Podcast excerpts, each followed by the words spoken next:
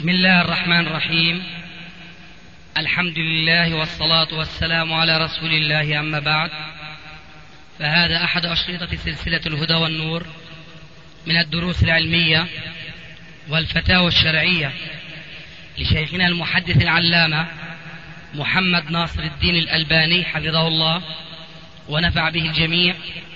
قام بتسجيلها والتأليف بينها محمد بن أحمد أبو ليلى الأثري.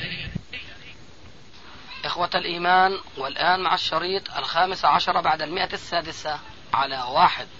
غيره. تفضل.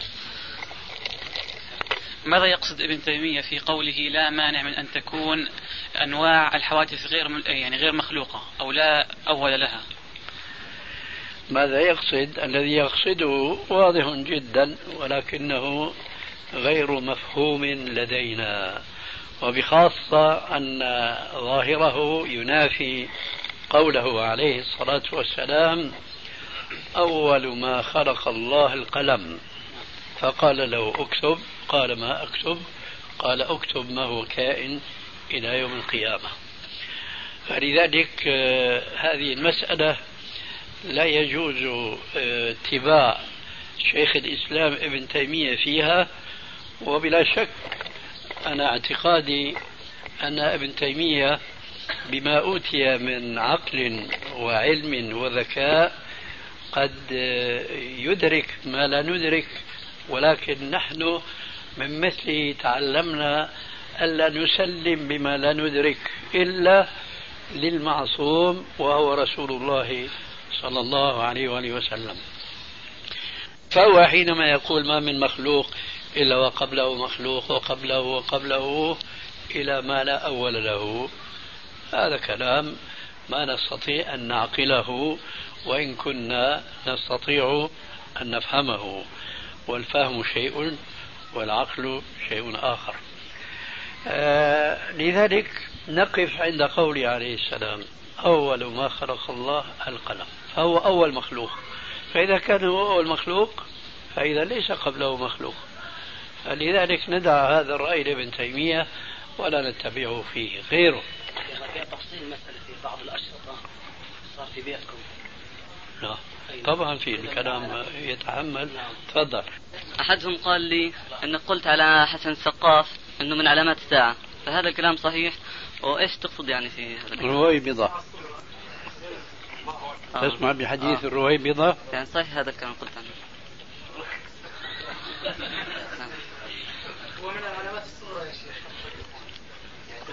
فأريد أن أقول من كان له سؤال يرفع يده ولا يتكلم ثم نحن نبدأ بالأيمن فالأيمن. حظك طيب. هو إكمال للأسئلة التي سألناها. أنت تكلمت عن ذياك الرويبطة. أه، طبعا قلت أنه من علامات الساعة.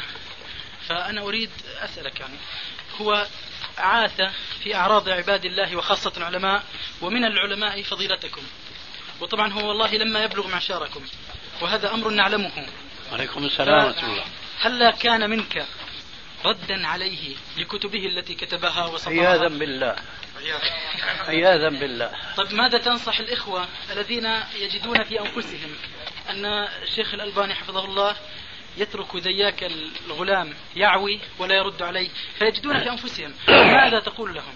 وجزاك الله عنا كل خير. والله إذا كانوا يعني عندهم آه، قدرة علمية وطاقة كتابية أن يردوا عليه فهذا من باب وتعاونوا على البر والتقوى.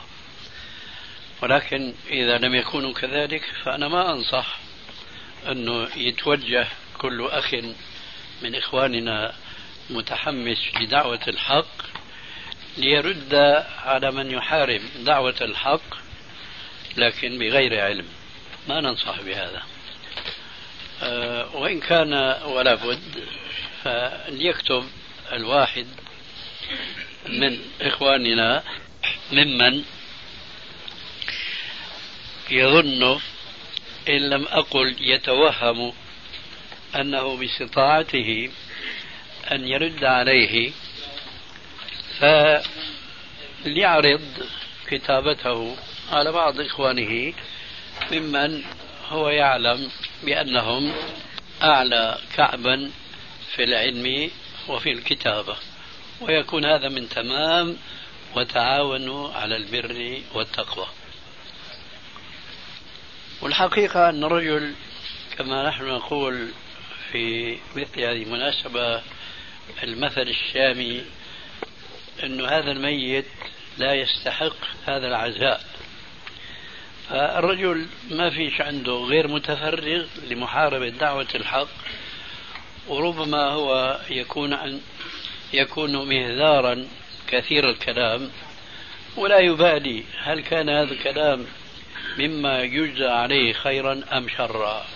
ولذلك فلمثل ما ينبغي أن يضيع وقته في الرد على مثله. وبخاصة أنني أعتقد أمرين اثنين.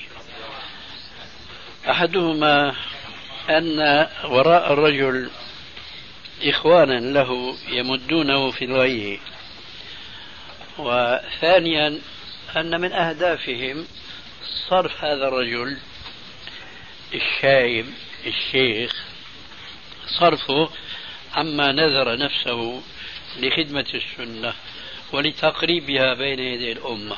فإذا ما أنا انصرفت إلى الرد عليه وعلى أمثاله تعطلت تعطلت المنهج الذي أنا نذرت نفسي كما قلت آنفا له. وأرجو أن يكون ذلك في سبيل الله عز وجل وإحياء لسنة نبيه صلى الله عليه وآله وسلم. والآن أنا أهتبلها فرصة لأذكر إخواننا آه، وبخاصة بعض الحاضرين فينا ممن سمعنا عليه آنفا ثناء حسنا. نريد أن نذكر الجميع الحاضرين هنا بأن كتاب الرجل الجديد الذي أسماه بصحيح صفة صلاة النبي صلى الله عليه وآله وسلم هذا العنوان وحده دون أن يطلع المطلع على مضمونه يكفيه أنه رجل حاقد حاسد. وكما يقولون بمثل هذه المناسبة المكتوب مبين من عنوانه. إنه ألف هذا الكتاب لمعارضة كتابي الذي مضى عليه أكثر من ثلاثين سنة وهو صفة صلاة النبي صلى الله عليه وآله وسلم من التكبير إلى التسليم كأنك تراها فجاء هو وأضاف صحيح. ليته والله يشهد أنني أتمنى أن يكون هناك عشرات وعشرات ومئات ممن يحسنون التصحيح ويستدركون على الألباني وبالتعبير السوري وبيحطوه بجيبتهم كله. عمره باقي سنة حتى يبلغ الثمانين. أتمنى أن يكون هناك عشرات من العلماء أقوى وأقدر مني ويحطوني بجيبتهم. لا شيء أذكر. لكن مع الأسف مع الأسف لا نجد لهؤلاء العلماء آه، وجودا في العالم الإسلامي إلا ما نادر جدا جدا. هذا الرجل الذي ليس عنده علم لا بالحديث ولا بالفقه ولا بالشيء يذكر إلا الهذر إلا الكلام. هذا رجل أحد شيئين لا مناص من أحدهما إما أنه ضال وهذا لابد منه وهو يقصد الهدى وإما أنه ضال مضل يقصد إضلال المسلمين لأنه كلامه إن أدين به فهو كافر مرتد عن الدين لماذا؟ لأنه ينكر وجود الله عز وجل الخالق الذي كان ولا شيء قبله.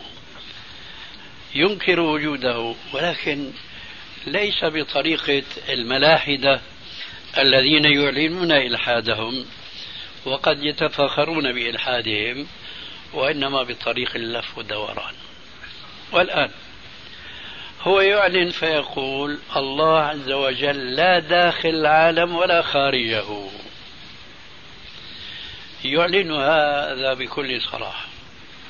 طيب هذا يؤمن بوجود الله؟ لا داخل العالم ولا خارجه. إيش بقي لا شيء بقى. فمعنى ذلك أن الله عنده لا شيء وإنما على رأي الملاحدة لا شيء إلا المادة. إلا المادة لا هو ما يقصد هذا. نفترض أنه هو مسلم ويريد الهداية. طيب ماذا يقصد؟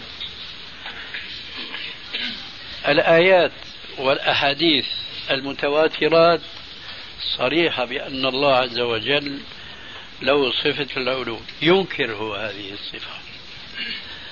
ويضلل من حوله ممن لم يؤتوا شيئا من الفقه والعلم وبخاصة بالعقيدة يقول إن الله عز وجل ليس في مكان ونحن نقول قبله بزمان إن هؤلاء المسلمين الذين يكونون جالسين في مجلس ما يقول أحدهم الله موجود في كل الوجود. الله موجود في كل مكان. الله أكبر. يا جماعة نحن البشر ندخل أماكن نتمنى ألا ندخلها. لكن على قاعدة مكره أخاك لا بطل. كيف تقول إن الله في كل مكان؟ هو ينفي فيقول إن الله ليس في مكان. ولكن وراء هذا النفي التعطيل المطلق. إنه لا يريد تنزيه الله من أن يكون في هذه الأماكن التي خلقها الله وأوجدها من العدم إنما يريد من وراء ذلك أن ينكر وجود الله هذا إذا أسأنا الظن به.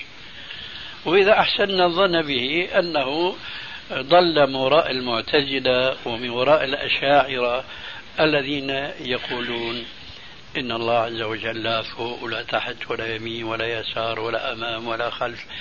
لا داخل العالم ولا خارجه.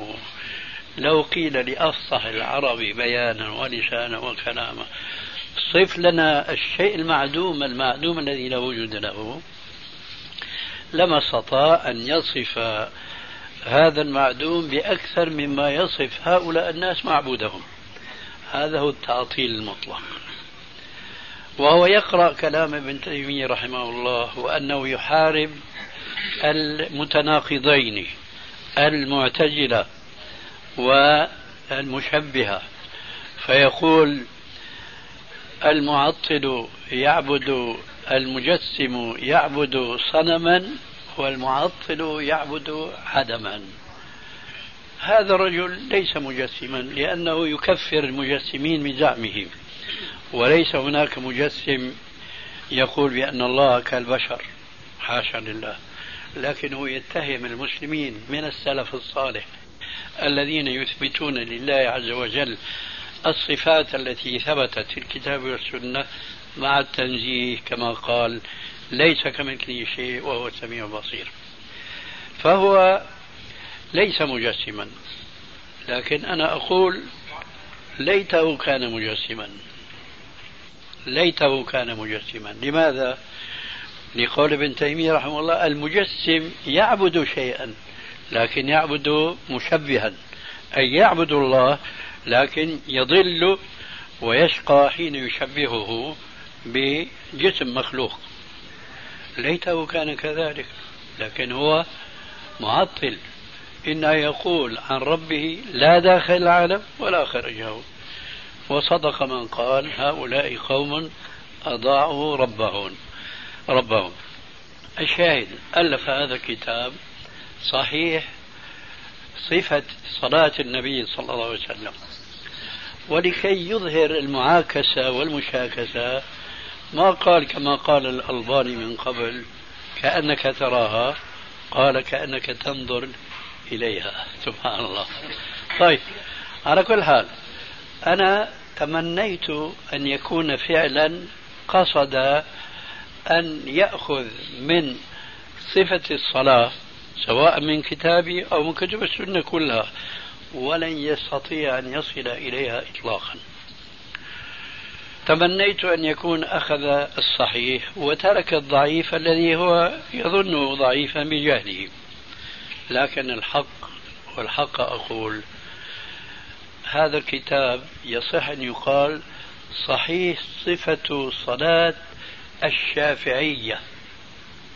الشافعية. لأن الكتاب كله على المذهب الشافعي. لكني أستدرك على نفسي فأقول حتى هذا لا يصح. أي لو قال صحيح صفة صلاة الشافعية حتى هذا أيضا لا يصح. لماذا؟ لأنه خالف الشافعية في كثير من المسائل بل وخالف الإمام النووي الذي أستطيع أن أقول أن أكثر مادة كتابي هذا هو من كلام النووي. فالإمام النووي رحمه الله تبعا لكثير من الشافعية المتقدمين يقولون بأن التلفظ بالنية لا شيء أما هو فيقول سنة. فحينما وضع هذا العنوان صحيح صفة صلاة النبي وذكر في الكتاب أن التلفظ بالنية سنة معنى هذا أنه كذب على النبي صلى الله عليه وسلم. ثم خالف أئمة الشافعية الذين يقولون إنه لا شيء. والحديث في هذا يطول ولا أريد أن أضيع عليكم الوقت لكن الشيء بالشيء ذكر.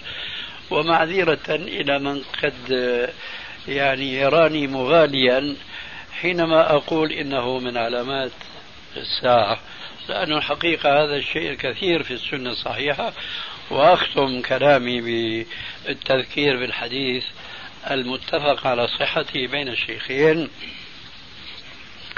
ألا وهو قوله صلى الله عليه وآله وسلم إن الله لا ينتزع العلم انتزاعا من صدور العلماء ولكنه يقبض العلم بقبض العلماء حتى إذا لم يبق عالما اتخذ الناس رؤوسا جهالا فسئلوا فأفتوا بغير علم فضلوا وأضلوا.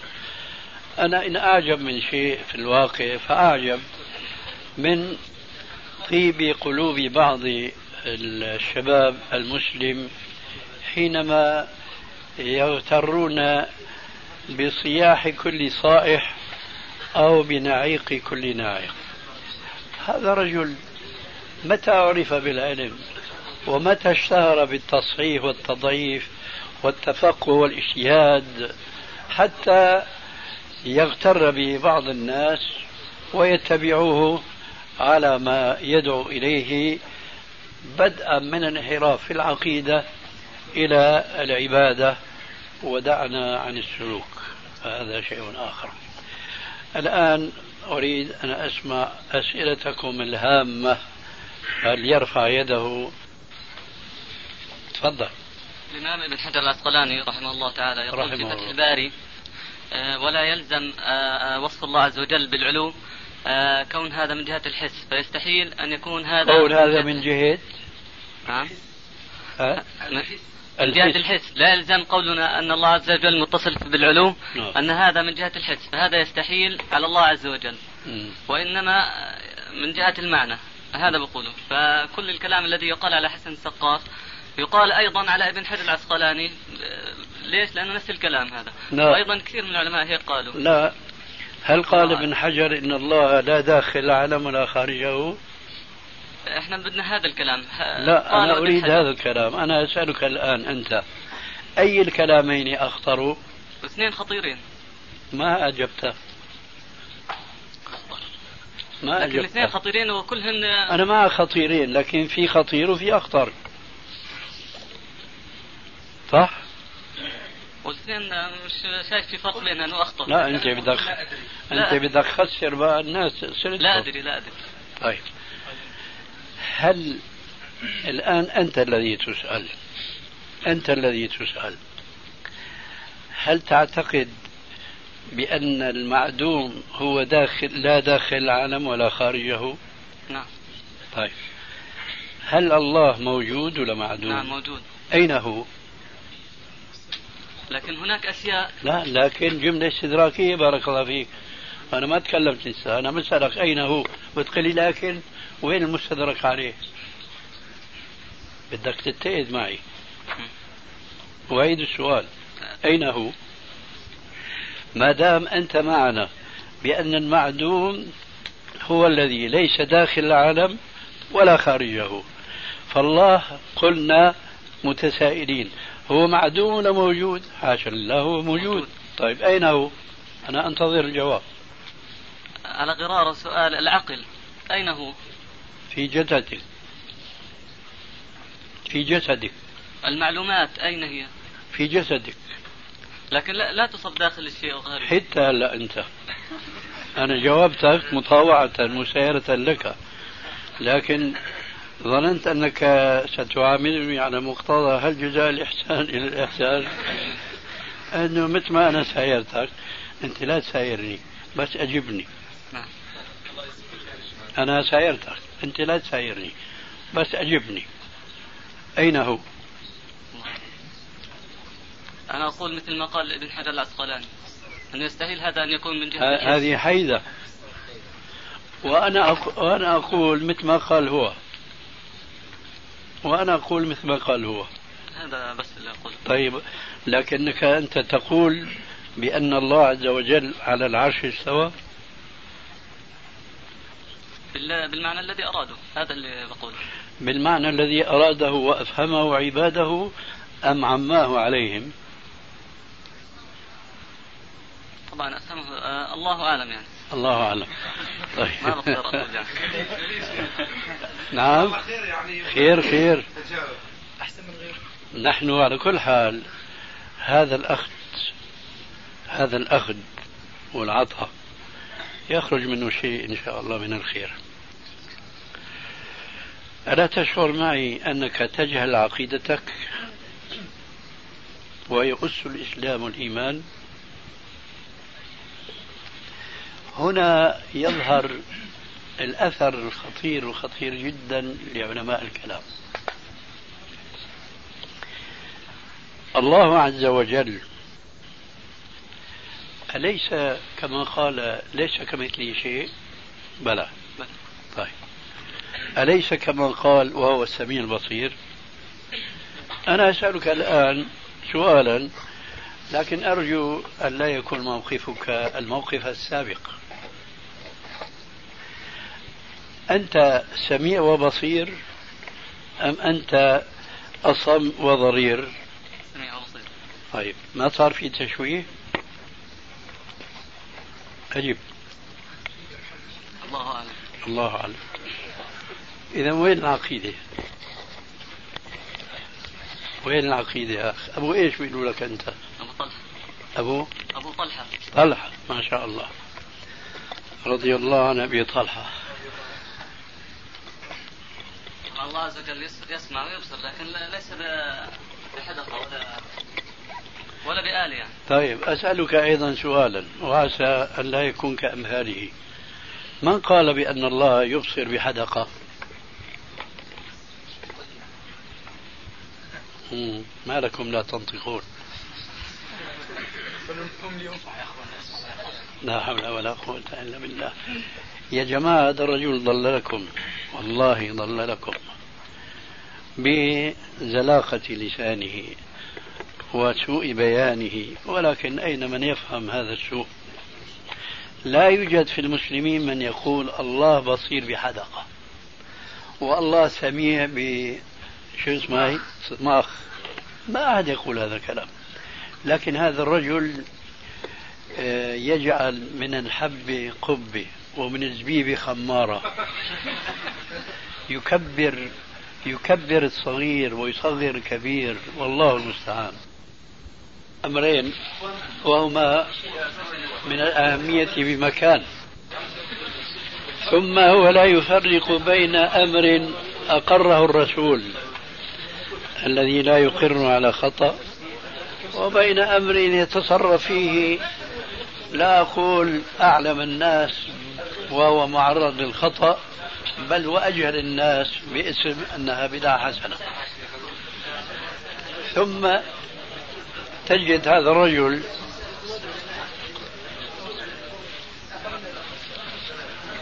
يدندن حول حديث زيادة وبركاته في التسليم الأولى فينكرها. لماذا؟ لأنه لا يوافق هواه. مع أنه كان بإمكانه أن يقرها على مذهبه المنحرف. أنه هي زيادة. على كل حال أفطروا الآن. والدرس والدرس كما نقول ما يجتمعان. أنه ضعيف ومروا أبا ثابت. فليتعود. قلت يا سيدي ورقة صالحة. آه. ضعفت الحديث بسبب عثمان الحكيم الذي يروى عن جدة الرباب. قلت كما في التقريب أنه مجهول وجدة الرباب مجهولة. فراجعنا التقريب فوجد أن عثمان الحكيم اثنين. في عثمان الحكيم ثقة وعثمان الحكيم مجهول. بس ما عرفنا مين هو اللي بيروي عن جدة الرباب. فرجعنا للأصل تهذيب التهذيب. فوجدنا أن عثمان الحكيم الذي يروي عن جدة الرباب هو الثقة. أما عثمان الحكيم الثاني فهو المجهول. فمش عارف شو تعليقك له إيش تعليقي؟ ما هو ثمرة هذا يعني الحديث هل فهمت ما أريد أن أقول؟ ما أظن ماذا أريد أن أقول؟ إذا ثبت أن هذا هو الثقة وليس هو المقول عند الحافظ بن حجر فهل يثبت الحديث بذلك؟ لا جدة الرباب مجهولة لكن أسبان حكيم الله يهديك كلمة وطاها هل يثبت الحديث بذلك؟ طيب ما الفائدة من هذا السؤال؟ أنا لا أقصد يعني الحديث هل هو صحيح ولا ضعيف نحن نعرف أن الحديث الله يهديكم ضعيف. أنا قلت لكم آنفا اسألوا أسئلة مهمة جدا فالآن أنت سؤالك علمي ودقيق ماذا يستفيده الحاضرون ما دام بقي الحديث على ضعفه شيخنا أقصد أما يا أخي أنا قصدك عارف الله يهديك فهل فهمت قصدي؟ فهمت لكن ما هو قصدي؟ أثنان الحكيم قلت ما هو قصدي؟ قصد قصدت أنت أن الحديث ضعيف استريح يا أخي الله يهديك هذا هو بس سؤالك عم أقول لك سؤال علمي دقيق فإذا ثبت خطأ ما قرأته وصواب ما ذكرته فأنت من حيث الحديث مكانك راوح ما استفدت صحة. أما لو كان يلزم من وراء ذلك إخراج الحديث من الضعف إلى الصحة فهذا أمر مهم جدا. أما وأنت تعترف الآن وتقول لا الحديث سيبقى ضعيفا بسبب جهالة الراوي الآخر. إذا ما الفائدة من مثل هذا السؤال؟ هذا السؤال يسأل في مجلس خاص أو من وراء الهاتف. وحينئذ أنا بفتح الكتاب وأعطيك الجواب.